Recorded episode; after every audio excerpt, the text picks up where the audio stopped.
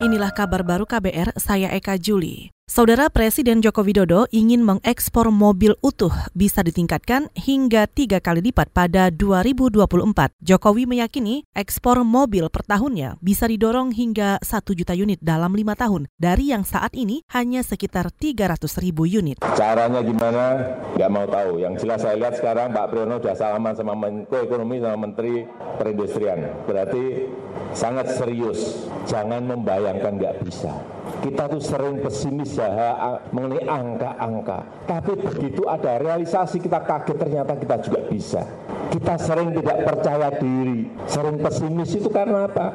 Ya karena kerja nggak pernah memakai target-target yang terukur dan realistis. Jokowi juga menyebut ekspor jutaan mobil itu berkontribusi besar untuk menyehatkan defisit neraca perdagangan dan transaksi berjalan. Dalam penjelasannya, Jokowi juga ingin menjadikan Indonesia sebagai penghubung produksi produk otomotif untuk diekspor ke semua negara.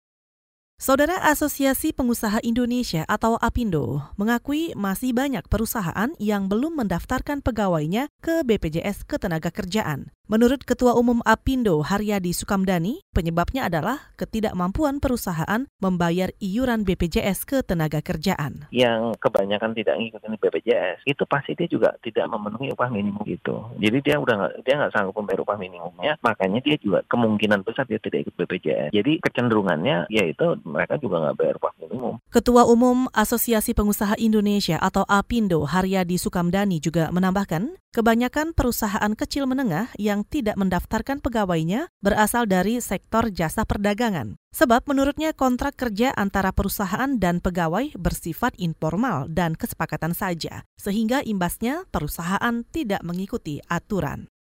Kita ke Jawa Timur. Ketua DPRD Jawa Timur Kusnadi meminta aparat kepolisian mengusut tuntas pelaku perusakan tiga tempat ibadah atau Patmasana umat Hindu di lereng Gunung Bromo beberapa hari lalu. Kusnadi berharap masyarakat tidak terprovokasi dan menyerahkan kasus itu kepada pihak kepolisian. Untuk melakukan ketidakkondusipan di, wilayah ini. Jadi oleh karena itu ya, ya tadi saya pertama kali ya ikut prihatin lah terjadinya perusakan-perusakan itu kalau itu dilakukan oleh manusia. Dan Kemudian yang kedua saya mohonlah kepada para pemeluk agama Hindu untuk bersabar dan menyerahkan itu kepada pihak kepolisian.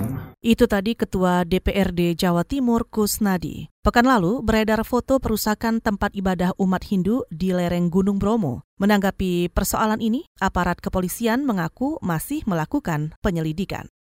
Kita ke informasi olahraga. Ganda putra Indonesia Muhammad Ahsan Hendra Setiawan memastikan satu tempat di babak semifinal BWF World Tour Finals 2019. Pasangan yang dijuluki The Daddies dipastikan menjadi salah satu wakil grup B setelah mengalahkan pasangan Cina Taipei Lu Qingyao dan Yang Pohan. Pada pertandingan hari ini, The Daddies mampu menang mudah pada game pertama dengan skors 21-10 tapi di game kedua, Ahsan dan Hendra banyak melakukan kesalahan sendiri. Situasi itu dimanfaatkan lawan dan menang 21-15. Di babak ketiga, keduanya menang 21-19. Jumat esok, The Daddies akan menghadapi ganda putra Cina Taipei lainnya, Li Yang dan Wang Chilin, yang juga sudah memastikan lolos ke semifinal. Saudara demikian kabar baru, saya Eka Juli.